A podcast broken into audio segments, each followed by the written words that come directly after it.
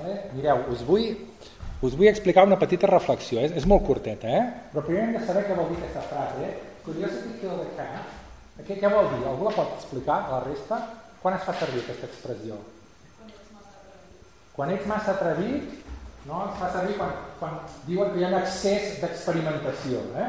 Hi ha un excés, eh? Ah, estàs merdejant massa i tu carregaràs. D'acord?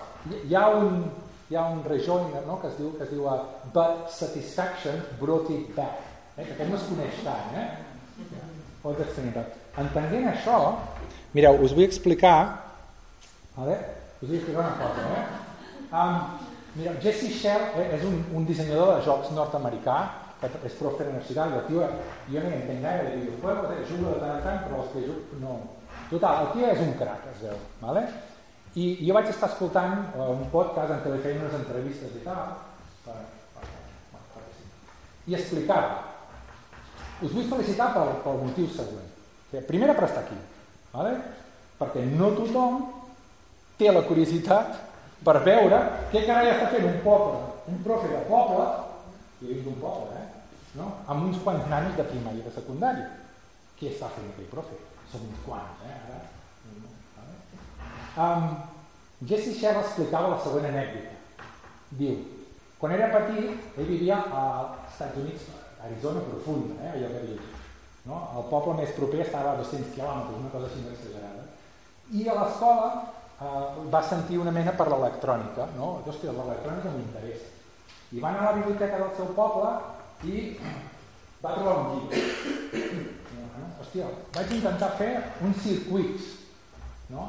Clar, no hi havia les peces, no hi havia les peces, tio té més o menys 40 i pico d'anys, com jo, eh? No, no hi havia les peces, va haver de demanar les peces, no, la ferreteria del poble, li van arribar les peces, i va començar a fer els circuits, i era un fracàs, no, no li sortien, no li sortien. Al cap d'un temps va ser el seu aniversari i el van convidar a la seva família, a més a la ciutat que estava a 300 quilòmetres, i que escollís un regal i caminant per la ciutat aquesta va veure una llibreria i a l'operador hi havia un llibre d'electrònica i va dir, ostres, un llibre d'electrònica que tenia fotografies, que tenia diagrames, que tenia molta més informació de la que havia fet. Va servir per tots els experiments. Es va donar que el primer llibre tenia errors, que per això no li sortien els experiments. D'acord?